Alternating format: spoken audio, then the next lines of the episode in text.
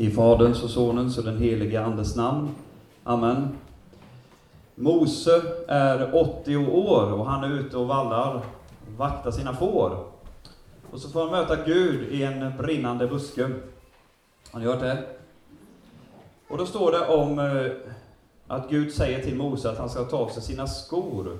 För platsen där han står, vad är det med den? Den är helig. Vi är i Andra Mosebok, det tredje kapitlet. Då sa Gud, kom inte hit, ta av dig skorna, ty platsen där du står är helig mark. Och det är den första hälsningen jag har till oss kristna bröder och systrar, en påminnelse ifrån Gud själv, att Gud är helig. Vi vill så gärna att människor ska upptäcka Jesus. Vi vill så gärna vara relevanta som Kristi kyrka i Sverige av idag. Eh, och vi försöker göra på olika sätt. Och i den där processen så är det lätt att vi glömmer, eller att vi tummar på att Gud är helig. Gud är helig, och egentligen borde vi inte kunna komma till honom någon enda av oss. Men genom Jesus och hans död på korset, försoningsdöden, blodet, så kan vi komma till Gud, men bara därför. Gud är helig, och vi ska hålla Kristus helig i våra hjärtan. Ett uttryck för det, det kan vara att vi håller oss till hans ord. Att när han säger någonting i sitt ord, Bibeln, så bryr vi oss om det. Det betyder någonting för oss att det står i Bibeln. Att Gud säger det till oss. Det blir viktigt för oss. Det blir viktigt för oss hur vi ser på varandra, bröder och systrar. Det blir viktigt hur vi talar om Gud, hur vi använder Guds namn. Gud är helig. Helig, helig, helig, Herre Gud Sebaot. Och det är en väldigt, väldigt viktig påminnelse för oss. Vi hade en som städade i vår kyrka ett tag. Hon kom från Irak och var kristen från Irak. Bagdad tror jag hon var ifrån. Eh, kommer inte ihåg vad hon hette, men eh, när hon eh, kom in i kyrkorummet och skulle städa mattan runt altaret, så tog hon av sig sina tofflor och så gick hon barfota runt och städade. En väldigt stark påminnelse om känslan för helighet. Och vet ni, jag tror att det är någonting som vi behöver eh, återupptäcka. Det kanske för dig kanske det är att slå in en helt öppen dörr. Men jag försöker spana in och känna in vad, hur vår kyrka, var vi befinner oss. Gud give att vi aldrig glömmer, kommer ihåg att Gud är helig, att vi vördar hans namn och håller det högt. Så Mose får ta av sig sina skor. Och sen berättar Gud för Mose att han ska befria folket, att han har sett till sitt folk, att han vill befria dem. Och det tycker Mose låter väldigt bra kanske då. Det tror jag nog han gör. Och så kommer då en detalj i vers 10 i kapitel 3. Gå nu, jag ska sända dig till farao. Och detta är lite vad den här kvällen handlar om. Att Gud vill sända oss. Gud sänder Mose att befria Israels folk ut ur Egypten. Och du som kristen är kallad av Gud. Du har fått ett uppdrag av Gud själv att berätta de goda nyheterna om Jesus Kristus för de som finns i din omgivning. De som Gud låter dig möta. Den plats där Gud har satt dig, där är du kallad av Gud. Du har fått den uppgiften av Gud i ditt dop. Du är vigd till det allmänna prästadömet i dopet. Att lova och ära Gud varenda dag, i livets alla skiften, och att bära ut budskapet om Jesus. De flesta, troligtvis i din omgivning, har inte hört talas om honom. Tänk om du är den enda kristne som dina, en del av dina vänner möter. Du är kallad, och Mose var kallad av Gud, att gå till Egypten. Nu är det lite olika uppdrag som vi har, men Mose, poängen är att Gud ville sända Mose, och Gud vill sända oss. Jag ska sända dig till farao. Och då säger Mose till Gud i vers 11, men Mose sa till Gud, vem är jag? Kan det hända att du känner likadant när jag sa det där nyss, det som du har hört tusen gånger oss präster säga, att vi ska berätta om Jesus för andra? Kan det hända att du kände någonstans inom dig, jo men du känner inte mig. Du vet inte, vem är jag? Det gäller någon annan. Det funkar inte för mig. Du skulle se mitt hjärta. Nej, men Gud ser det. Vem är jag? Det finns väldigt mycket jantelag också i kyrkan. Att vi tror inte det om oss själva. Vi misstror att Gud skulle kunna använda oss. Vem är jag? ställer vi oss frågan. Eh, och då säger Gud till Mose så här, jag är med dig. Och så säger han, ni ska hålla gudstjänst på detta berg.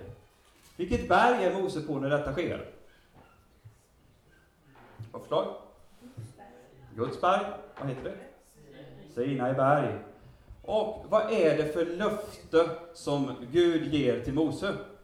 Jo, att ni ska hålla gudstjänst på detta berg. Alltså, du ska gå och hämta folket och ta undan notstället. Och när du har hämtat folket och ni kommer tillbaka, då ska ni fira gudstjänst. Det är löftet som du får. Vad är det för löfte egentligen? Jo, det är ett löfte som Mose kommer se när han har redan gjort det som Gud har sagt. Eller hur? Här står Mose. Gud kallar Mose, ni ska komma hit och fira gudstjänst. Och då måste du först gå och hämta dem, det som du inte vill göra egentligen. Och när ni kommer tillbaka, då ska ni hålla gudstjänst. Och då någonstans, under Kardalsalmen kanske eller så, så kommer du på, ja just det. Är du med? Ett löfte som Mose kommer se efteråt gå i uppfyllelse. Hänger du med på detta? Nej, lite sådär va? För det där är ganska viktigt. Jag tar det igen. Ja, ta det en gång till. Mm. Mose får att höra av Gud. Jag är med dig för det första, det är löftet. Det andra löftet är att ni ska hålla gudstjänst på detta berg. När du har fört folket ut ur Egypten ska ni hålla gudstjänst på detta berg. Det är vad Gud säger. Så då måste han alltså gå och hämta folket. Och så komma tillbaka till berget. Och så ska de fira gudstjänst. Och där de firar denna gudstjänst inför Herren, så kommer han märka, just det, det stämde, det Gud sa. Men det kan han inte veta förrän han har gjort det. Vilket betyder att Mose måste göra det som är väldigt, väldigt trevligt, eller hur? Han måste gå i tro. Han måste gå innan han har sett att det sker. Det är så mycket i Bibeln som handlar om det. En uppmuntran. Eh, Gud vill tala om för oss att vi behöver gå i tro. En visshet om det som vi ännu inte ser. Det är precis det Gud kallar Mose till. Hänger du med Lasse? Ja, uppriktigt talat. Antingen har jag fattat det förut eller finns det en poäng att jag fattat. Men, det, men jag ska suga på fjärrvärlden. Ja, det är bra. Men jag, alltså jag, jag har fattat på ett sätt. Jag vet bara inte om du har fattat på ett annat. Men det är bra det jag har fattat. Ja, det är bra. Vi lever i ett fritt land. Lasse från Stockholm.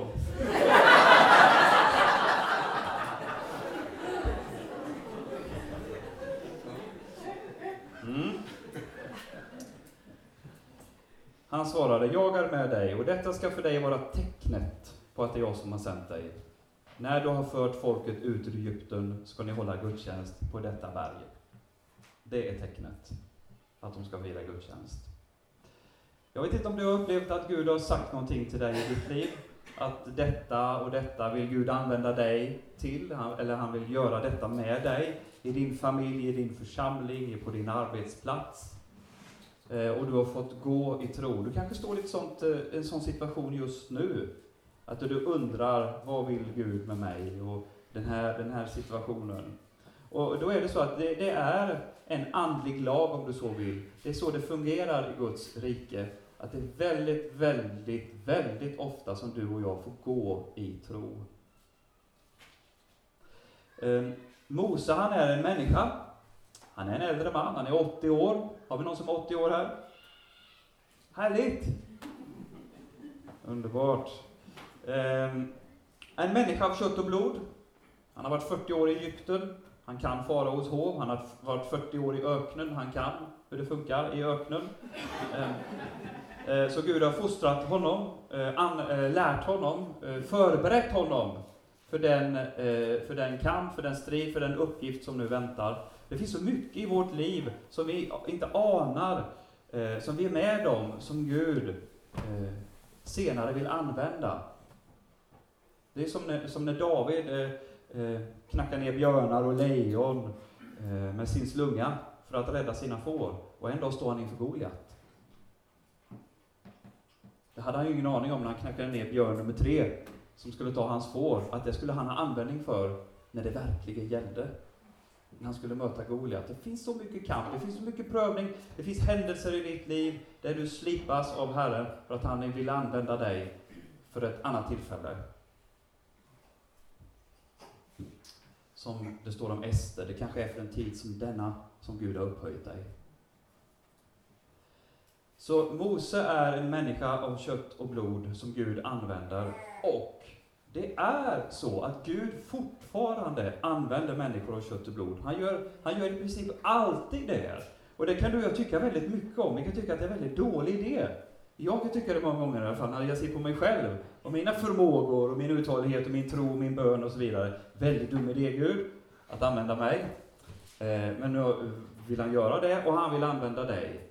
Det är så Gud har tänkt. Och ni Varbergsvänner, ni får ursäkta mig, jag tar den här eh, legenden än en gång, ni har hört den tusen gånger hemma i Varberg, så ni kan hålla för den eller någonting nu. Men det är himmelsfärden. Och Jesus kommer upp till himla, himlarymderna. Eh, och så frågar änglarna, är du färdig nu? Ja, jag är färdig, säger Jesus. Är du verkligen färdig med det du skulle göra på jorden? Ja, jag är färdig. Men vad har du för plan? Har du någon plan? Ja, jag har en plan, säger Jesus. Jaha, de är lite nyfikna här, änglarna och ärkeänglarna och sådär. Vad är det för plan du har Jesus? Berätta för oss. Vad är det för plan? Det, där är min plan. Så pekar Jesus över axeln med sitt gudomliga finger. Och så får de titta honom över axeln. Och så ser de ner genom himlarymderna. Och så ser de ner över Israel och Jerusalem och Olivberget. Och där, på Olivberget, ser de elva fundersamma män i yngre medelåldern. De går kanske och kliar sig på huvudet, lite glada samtidigt, går ner för Livberget. Där, säger Jesus, där har jag min plan.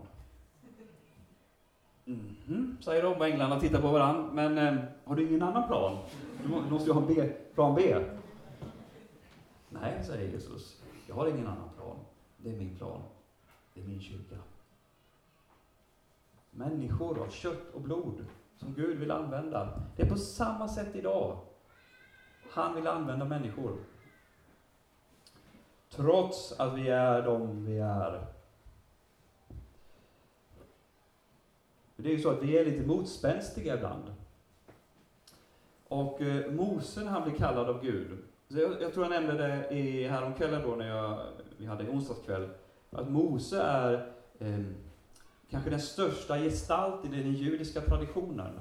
För han, han ställde sig ju mellan Gud och folket och, och, och var beredd att, att förgås själv för folkets skull. En Messias gestalt på det sättet. Mose är enormt viktig, men han är enormt motspänstig när det gäller kallelsen att gå. Han är 80 år, man kan tänka sig att han skulle vilja ta det lite lugnt. Glasa in altanen och sådär och har det skönt. Det kan man ju unna honom, har kämpat ett helt liv. Moses svarade, först har han frågat, vem är jag? Eh, en dålig andlig självkänsla. Alltså, att, vem är jag att göra någonting för Gud? Det sa jag då att det kanske vi kan känna igen oss i. Men så säger han då i kapitel 4, Moses svarade, men om de inte tror mig, vilka då? Vilka talar han om nu? Men om de inte tror mig och inte lyssnar på mina ord, utan säger Herren har inte uppenbarat sig för dig. Men om de inte tror mig, vem är det Mose syftar på nu? Ja, inte är det farao och hans eh, hov, utan det är Guds folk. Israel. Stammarna. De som är fortfarande i slaveriet, men som är förbundsfolket, Guds folk. Men om de inte tror mig, Ibland är det så än idag, att de vi, vi är mest spända inför, de som vi tycker är mest pinsamt inför, när vi har någonting, och Guds vägnar, det är församlingen. Det är mina kristna bröder och systrar. De som skulle bära mig, de som skulle uppmuntra mig så länge vi kan säga idag. De känner, det är de som trycker ner, eller det är de jag inte vågar visa det här inför. Visst är det konstigt? det som skulle stärka oss. Men om de inte tror mig, så kan vi känna, när vi anar, förnimmer, att Gud på något sätt vill tala med oss, visa oss någonting. Kanske inte bara mig själv, utan kanske några fler. Kanske till och med församlingen. Det här, det här den lilla gruppen i församlingen kommer in som något väldigt viktigt. Alla behöver inte stå där framme och prata, någon är kallad att göra det. Men det, till exempel en liten bönegrupp, det är fantastiskt bra sammanhang. När vi förnimmer att Gud vill säga någonting och han vill använda oss. Okej, då går vi till vers 3 i Andra Mosebok 4. Han svarade, nej förlåt, vi tar vers 2. Då sa Herren till honom, vad är det du har i handen? Han svarade, en stav, och han sa, kasta den på marken. Och när han då kastade den på marken förvandlades den till en orm, och Mose flydde för den. Okej, Mose hade en stav. Varför hade Mose en stav? Hade han brutit höften? Han var vilda djur. Eh, det var så att Mose hade en stav för att han var herde. Det var ett uttryck för den uppgift han hade i sitt liv, i alla fall de sista 40 åren. Han var en herde. Och då är det på samma sätt att Gud frågar dig, vad har du i handen? Vad är det för någonting du är bra på? Vad är det för gåvor Gud har gett dig? Vad finns det i ditt liv som du ändå anar att ja, men det här, det här är jag hyfsat bra på, det vill Gud använda mig i. Det här, ja, det är någonting Gud har gett mig. Så, så, så ska Mose kasta staven på marken och förvandlas den till en orm. Det blir liksom något, något annat. Och Mose flyr inför den. Och så kan det vara när Gud ger oss gåvor, när han kanske till och med förstärker det som vi har, att vi nästan hajar till och, och backar inför det. Nej, men nu är det, blir det för mycket. Det här, det här undrar jag om man klarar av. Och så får Mose ta i den, och den förvandlades åter till en stav i hans hand. Och så eh, gör han motsvarande sak med sin hand in i, i barmen och den blir vit som snö av spetälska och så vidare. Det blir två två tecken. Så, så på det här sättet så försöker ändå Gud få Mose på sin sida, om du så vill. Ehm, och den här dialogen, den här, det här samtalet mellan Gud och Mose är fantastiskt, för Gud är ju ganska, eh, han vet vad han vill, och samtidigt är han så, ehm, han, för, han låter Mose ta den tid han behöver. Han, han förebrår inte honom. Vi kommer komma lite senare till när han, han faktiskt blir han blir vred på honom, men han, eh, men han är med honom i den här processen. Då säger Mose i vers 10, Mose sa till Herren, men Herre, jag är ingen talför man. Jag har inte varit det tidigare, jag är det inte nu, sedan du har talat till din tjänare. Jag är trög att tala och har en trög tunga. Mm. Så, så Mose han, eh, det finns ju lite olika teorier om det är så att Mose stammar, eller om han har glömt egyptiskan, eller vad det nu är. Ehm, det spelar inte så stor roll vad det är exakt, men poängen är att Mose försöker hitta argument. När det ena argumentet faller så tar Mose fram något annat argument. Har du varit med om det? Att du argumenterar med Gud. Det kanske är en livsuppgift, eller det kanske handlar om någonting som han säger i sitt ord, och du anar, ja men jag går, jag, Gud vill däråt, men eh, jag vill däråt. Det finns mycket goda skäl att gå däråt, fast Gud säger däråt. Så om man har hyfsat ärlig relation med Gud så blir det en spänning. Och man argumenterar, och det är precis det Mose gör. Han argumenterar med Gud själv. Och Mose säger, eller Gud säger till Mose i vers 12, Gå nu, jag ska vara med din mun och lära dig vad du ska säga. Eh, så det argumentet biter inte heller. Och sen säger Mose i vers 13, men Mose sa, Herre, jag ber dig, sänd ditt budskap med vilken annan du vill. Alltså, argumenten tar slut. Ni vet hur det är hemma. När det är lite tjafs, lite bråk kanske till och med. Man argumenterar och till, någonstans där så kan argumentet ta slut. Det är en väldigt jobbig situation. Speciellt man har barn som är väldigt argumentationsvilliga. för allting. Argumentet tar slut, så var det med Mose. Det tog slut. Kan, det här är en jättebra idé Gud. Det är väldigt bra att du befriar dem. De, det blir perfekt. Det är på tiden dessutom. Men sen, vem, vem som helst. Kurt Roger i Skänninge, det går lika bra.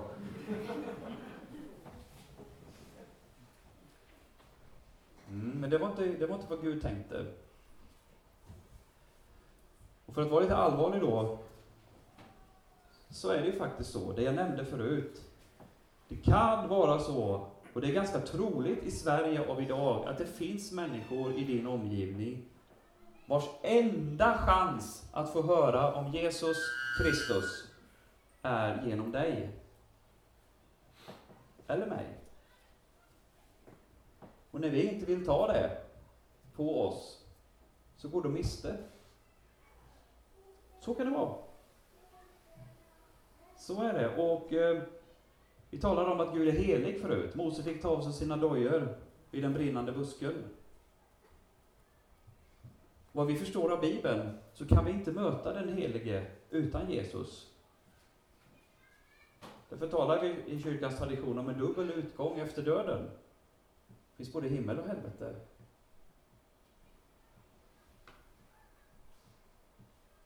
Det är Gud som dömer, eller Jesus som dömer. Och han ser allt och han vet allt och allt det där lämnar vi till honom.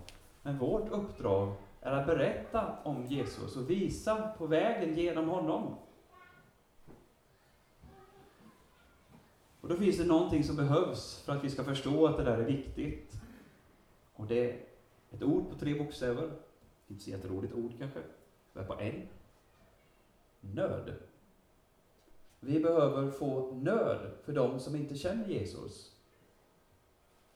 Jag vet inte om du kommer ihåg Nehemja, eh, han som var munskänk eh, i Babylonien, eh, fast han tillhörde det judiska folket. Och när han får ta höra talas om att Jerusalem ligger i ruiner, vad står det om honom? Han gråter. Han gråter över situationen och utge sitt hjärta för Gud. Hur ska det gå? Hur ska det bli? Vad ska du göra? Nu behöver inte vi förställa oss, på något sätt framkalla någonting.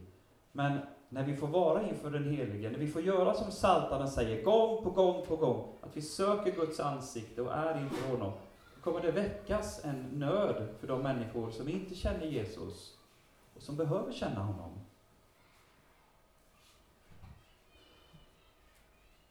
Jag tänker på Aslan många gånger, eller Narnia-berättelsen, när Aslan ger sitt liv för Edmund, den, den eh, det syskonet av de fyra syskonen som förråder genom att gå på den vita häxans sida, så måste Aslan ge sitt liv för Edmund. Det är liksom Narnia-lagen. Kommer du ihåg det? Har du läst om det? Så Aslan har gett sitt liv för Edmund. Och så går det ett tag och så snackar syskonen, eller några pratar om det och Edmund inte är med vid tillfället. Och så säger de, eh, tror du att Edmund vet om att Aslan dog för honom? Jag är inte säker på att han har fattat det faktiskt. Jag är inte säker på att det, går, att det har gått fram. Men, tycker du inte att någon borde ta och berätta det för honom då? Din granne, eller min granne där hemma. Vet de om att Jesus har dött för dem? Jag är inte så säker på det. kanske jag borde tänka lite på.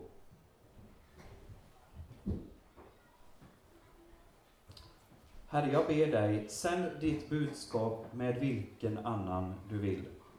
Så säger Mose. Jag vet inte om du har sagt likadant. Då står det i vers 14. Då upptändes Herrens vrede mot Mose, och han sa, har du inte din bror Aron, leviten? Jag vet att han är en man som kan tala, och se, han är på väg för att möta dig, och när han får se dig ska han känna glädje i sitt hjärta. Du ska tala till honom och lägga orden i hans mun, och jag ska vara med din mun och hans mun, och jag ska lära er vad ni ska göra. Han ska tala i ditt ställe till folket, och han ska vara som en mun för dig, och du ska vara som Gud för honom. Alltså, eh, tala å Guds vägnar betyder det. På något sätt upptänds Guds vrede över att Mose är så motspänstig. Eh, och samtidigt så går han honom till mötes. Det finns ett både och i detta, är du med? Eh, Gud reagerar. Gud är en levande Gud som reagerar på hur Mose reagerar. Det är inget statiskt, utan till sist blir Gud vred på honom. Men samtidigt så skickar han Aron. Så eh, redan i nästan samma, i samma stund kan man tänka sig att Aron får en ingivelse hemma i, eh, i Egypten där han är, att packa sin väska och gå ut i den arabiska öknen. Och så står det sen att de möts och de omfamnar varandra efter många år. Eh, I den judiska traditionen så säger rabbinerna att det var egentligen tänkt att Moses skulle leda folket över Jordan in i Kanaans land. Det var, det, var, det var liksom planen. Men eftersom Mose hade så dålig start och verkligen var motspänstig så fick han inte gå med in. Det säger rabbinerna. Det är liksom anledningen till det. Jag vet inte om det är så, men så säger de. Men Gud går också oss till mötes. Jag är övertygad om det. Och jag vill bara uppmuntra både dig och mig att om vi nu känner att Gud manar oss till någonting, han har en uppgift. Han har en uppgift för oss alla, det sa jag genom dopet. Att lovsjunga och ära Herren och att gå ut med budskapet om Jesus. Vi känner oss motspänstiga, så vill han gå oss till mötes. Och han vill också ge oss den hjälp vi behöver. Du kan fundera på, du kanske redan har fått en Aron vid din sida. Som vill hjälpa dig. Som vill vara din broder, eller din syster. I din situation. Det är inte så att han liksom bara petar iväg oss och sen, hallå, hoppas det går bra, vi ses en annan dag. Utan han går ju med. Kommer strax vidare in på det.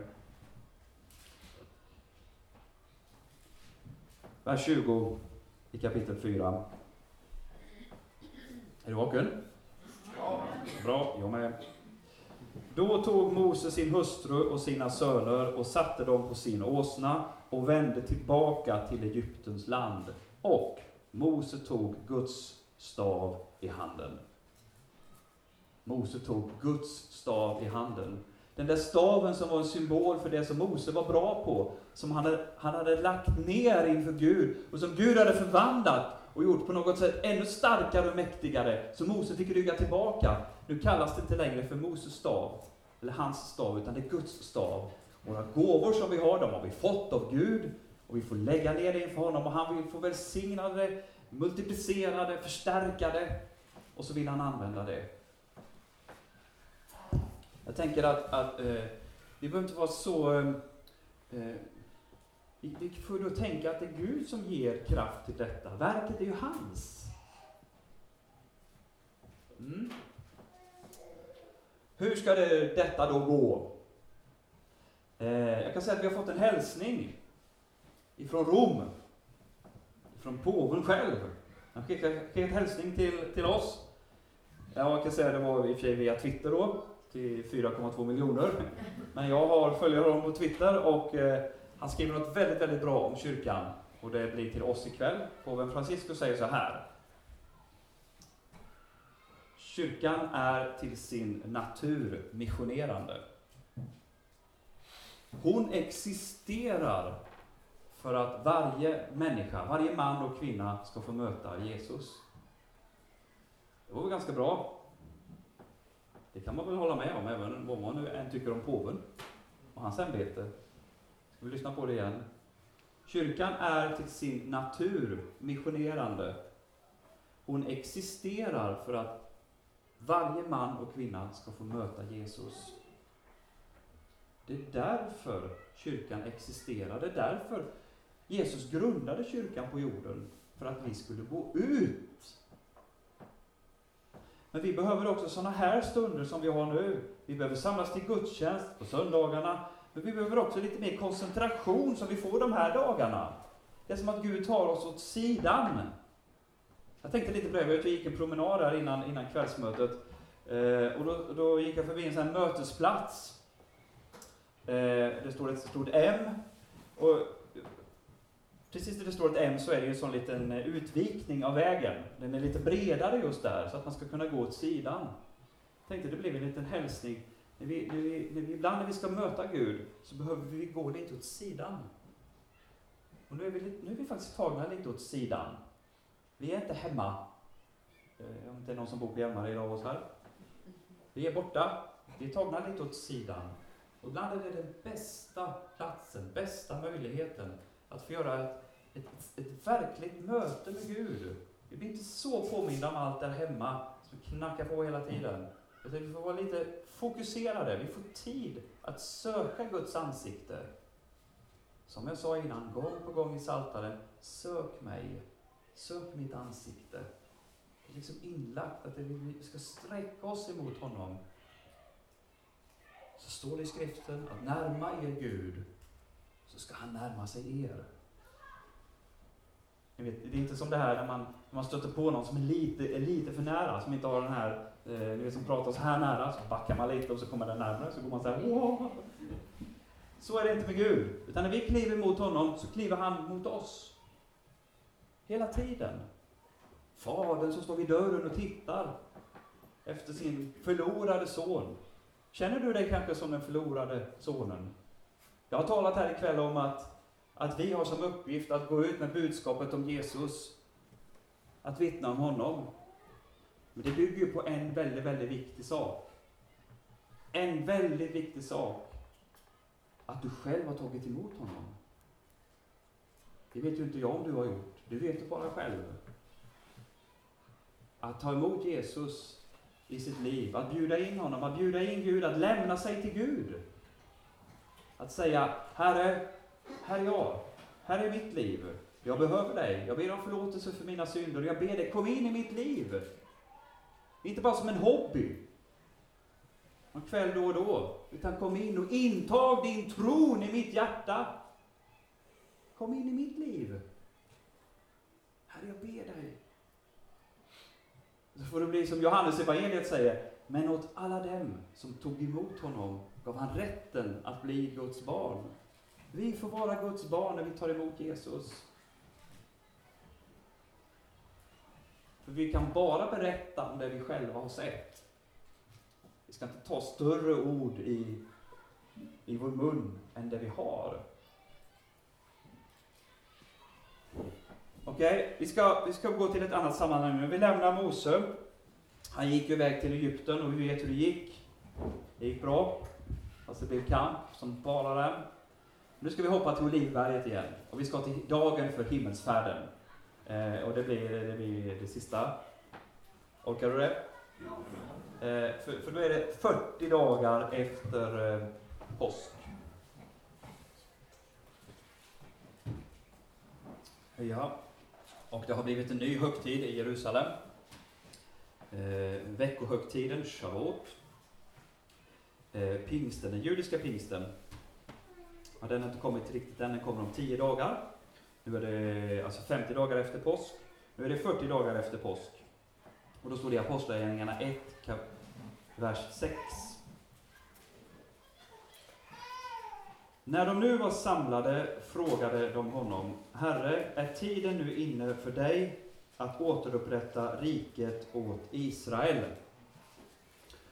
Ehm, lärjungarna frågar Jesus om det är dags att återupprätta riket. Och vad är det för rike de talar om här? Jo, det är ju så att Mose med Aron ledde folket ut ur Egypten och de kom hem till Israel.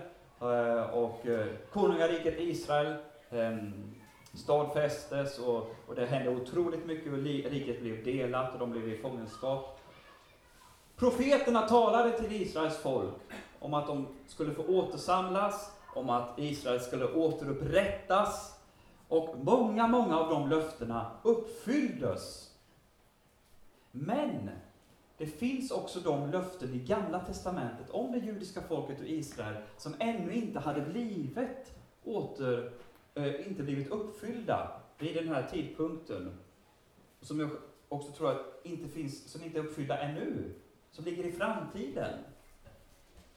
Davids konungarike. Ehm, och då är det så att när lärjungarna frågar Jesus om detta så avvisar han inte dem. Vi tittar på det igen. Herre, är nu tiden inne för dig att återupprätta riket åt Israel? Då säger inte Jesus, nej, nej, nej, så kan ni inte säga, det är bara ett andligt rike. Han avvisar inte dem, det de säger, och det ska vi komma ihåg. Men han säger att det inte är er sak. Titta på vers 7. Han svarade då, det är inte er sak att veta vilka tider och stunder som Fadern i sin makt har fastställt. Här är vi inne på det där som handlar om den yttersta tiden, Jesu återkomst. Och när världens fokus ånyo kommer rikta sig mot det judiska folket och det Gud har i beredskap för dem, för Israel. Men Jesus vänder på kuttingen och vänder det mot lärjungarna själva och det som är deras uppgift. Så står det då i vers 8. Men, den, men när den helige Anden kommer över er ska ni få kraft och bli mina vittnen i Jerusalem och i hela Judeen och Samarien och ända till jordens yttersta gräns. Och när han hade sagt detta så såg de hur han lyftes upp och ett moln tog honom ur deras åsyn. Här, precis när Jesus lämnar världen och stiger upp till himmelen, så börjar den tid som vi lever i nu tänker inte på sommartiden som är härlig. Visst är det härligt med sommaren? Det var en utlands, utlandssvensk som kom hem och så var intervjuad i tidningen som fick en fråga. Kan du beskriva den svenska sommaren med fem ord? Han gjorde det väldigt bra. Underbar, efterlängtad, men vemodigt kort. Svenska sommaren är underbar, efterlängtad, men vemodigt kort. Men så är det inte med kyrkans tid. Den är lång. Men, lyssna nu min vän, om du orkar. Kyrkans tid är inte evig. Den har sin tid. Och den börjar när Jesus lämnar den här världen och sänder sin heliga Ande över kyrkan. Och så varar den tiden ända fram till den tid när Jesus kommer tillbaka. Den här tiden kallas för kyrkans tid. Den kallas också ibland för nådens tid. Det är den tid då vi har som uppgift att berätta om Guds nåd. Det finns en som har dött för dig. Han heter Jesus. Han tänkte på dig när han dog på korset. Han bar dina synder i sin kropp för att du för alltid ska få vara inför Herren. I detta livet och i evigheten. Det är nådens tid. Och en dag tar nådens tid slut när Jesus kommer åter. Under denna tid så har vi som uppgift att berätta om honom. Och det är det Jesus säger precis innan himmelsfärden. Men när den heliga Anden kommer över er ska ni få kraft och bli mina vittnen i Jerusalem. Faktum är att det inte är det allra sista han säger. Det allra sista Jesus gör innan han lämnar världen, det står i Lukas evangeliet, att han lyfter sina händer och så läser han välsignelsen över dem. Och det står i Apostlagärningarna att Jesus ska komma åter på samma sätt som ni har sett honom fara upp. Så då vet vi hur Jesus kommer. När Jesus kommer åter en dag så kommer han komma välsignande. Och det första vi kommer se är hans sårmärken. De underbara välsignade sårmärkena som vittnar om att försoningen är fullbordad. Det är det sista lärjungarna ser och det är det första de ser. Vi kommer se när han kommer tillbaka. Men precis innan, det näst sista Jesus säger är, men ni ska få kraft när den helige Ande kommer över er. Det kan finnas flera anledningar till varför vi ibland kan känna att detta att berätta om Jesus, att vara han, vittnesbörd om honom, inte funkar för mig. Men jag tror att en stor anledning är att vi känner att vi har inte kraft därtill. Och det stämmer, för det har vi inte. Men han har all kraft. Han har alla möjligheter. Och han vill fylla dig med sin kraft. Och han vill göra det inte imorgon, han vill göra det ikväll. Han kan göra det andra dagar också. Men jag tror att Herren vill möta oss ikväll och fylla oss med sin kraft. För vad står det då att vi får vara? Men när den helige Ande kommer över er ska ni få kraft och bli mina vittnen. Då får vi berätta om vad vi har sett och hört. Nu är det så att det finns en detalj som i och för sig är ganska viktig. Att vittnen på grekiska heter martyrion. Det är alltid förbundet med en, någon form av uppoffring, någon form av offer, någon form av kostnad att berätta om Jesus. Om vi ska vänta med att berätta om Herren Jesus tills det känns perfekt, tills alla risker är bortblåsta, då kommer vi aldrig göra det. För det är alltid förbundet med ett risktagande och ett offer och en kostnad. Att vara ett Guds barn är 100% fritt och gratis. Men att gå med Jesus och berätta om honom, det kostar allt. Så är det. Men ni ska få kraft Och ni ska bli mina vittnen. Visst är det underbart? Vi ska få den kraft som vi behöver. Det behöver inte vi uppbåda själva. Det vi behöver göra, det är som Mose, att vi behöver gå i tro och berätta för folket att det finns ett rike som är berett. Som står och väntar. Välkommen med. Du är fri. Du är välkommen. Och därtill ger han den kraft som behövs. Den helige Ande bor i dig genom dopet. När du döptes i Faderns och Sonens och den helige Andes namn så tog Gud själv sin boning i dig, i din kropp, med sin Ande. Så Jesus bor i dig. Det är därför som kroppen efter döden i kyrkans tradition alltid har vördats. Eller inte vördats, men snarare omhändertagits på ett, på ett fint sätt. Eftersom människan som är död, den kropp som ligger framför, har varit ett tempel för den helige Ande. Och så är det med dig och mig. Vi som lever, vårt hjärta står, vi är bärare av Jesus själv. Vi är små tempel där Gud har flyttat in genom sin Ande. Så så är det. Men det vi talar om ikväll, det är att bli påfylld av den helige Ande och få kraft att vara hans vittnesbörd. Och Gud vill komma till var och en av oss som törstar efter mer av honom, att få, att få gå ut med honom. Även om det kostar. Kom till mig och drick, säger Jesus. Ni ska få dricka fritt av livets vatten. Det ska bli som en källa som flödar, säger Jesus. Och så står det, det sa han om anden. Och nu ska vi göra så att eh, vi ska erbjuda eh, dig som vill komma fram och bli smord med olja. Så blir det en, en, en bön, en kort bön om den heliga Andes kraft över ditt liv. Och den helige Ande, det ska du veta, han ger bara goda gåvor. Om du har varit med i något annat sammanhang där man har talat mycket om Anden och du har upplevt att det där var inte bra, jag mådde inte väl, så var det inte från Gud, det du har upplevt. För den helige Ande ger bara goda gåvor. Så det vi behöver göra, det är att vi behöver öppna vårt hjärta och säga, kom in till mig då, Herre. Fyll mig med dig själv. Och ta plats den plats som ingen annan får ta, den är bara du värd. Jag öppnar mig för dig. Kom helige Ande.